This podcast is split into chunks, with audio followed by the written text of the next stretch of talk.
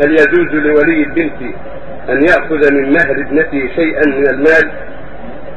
يجوز. وهي لا تعلم. يجوز لأبيها يأخذ مالها ما لا يضرها. لقوله صلى الله عليه وسلم إن أعطي ما أخذتم من كسبكم وإنه لا لكم من كسب فلأبيها أن يأخذ من مالها ما يرى من دون ضرر عليها فيدفع لها ما يحتاج إليه ويأخذ منه ما ينفعه ولا يضرها. لا بأس. أما غيره فلا. إلا بإذنها إذا كانت رشيدة